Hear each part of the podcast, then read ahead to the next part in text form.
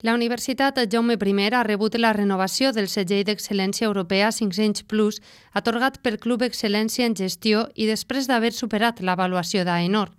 Així, l'UGI renova per segona vegada consecutiva el màxim reconeixement d'excel·lència en la gestió segons el model EFQM, obtingut l'any 2008.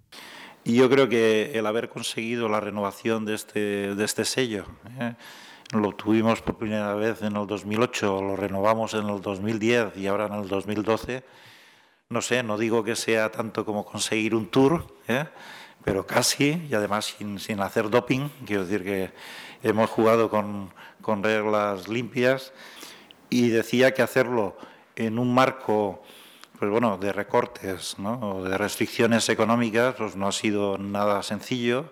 Hacerlo en un marco también de recortes y de restricciones legales no ha sido nada sencillo porque esto requiere evidentemente alinear a todos los actores y cuando digo todos los actores son eh, todo el PDI, todo el PAS, eh, toda la institución, alinear a los jefes de servicio, alinear a los directores de departamento, y a todo el personal, pues digo que, que en estos condicionantes no, no resulta una tarea senzilla. Aquest model de gestió mesura els resultats clau de les organitzacions, però també tota una sèrie d'agents facilitadors com són els processos, el lideratge, les aliances, les persones i la política i estratègia.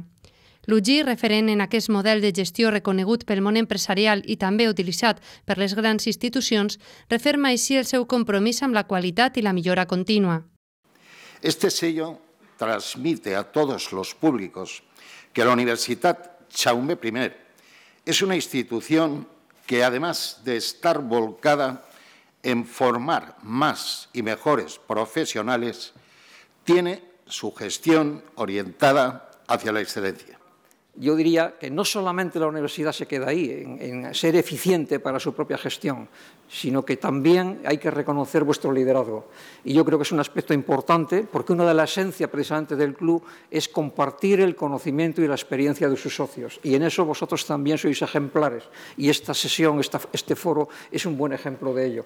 No solamente aprovecháis vuestro conocimiento para eh, mejorar la eficacia de vuestra gestión, sino que ponéis ese conocimiento a disposición del resto de universidades, del resto del, de la comunidad, para que puedan también aprender y aplicar esas buenas prácticas.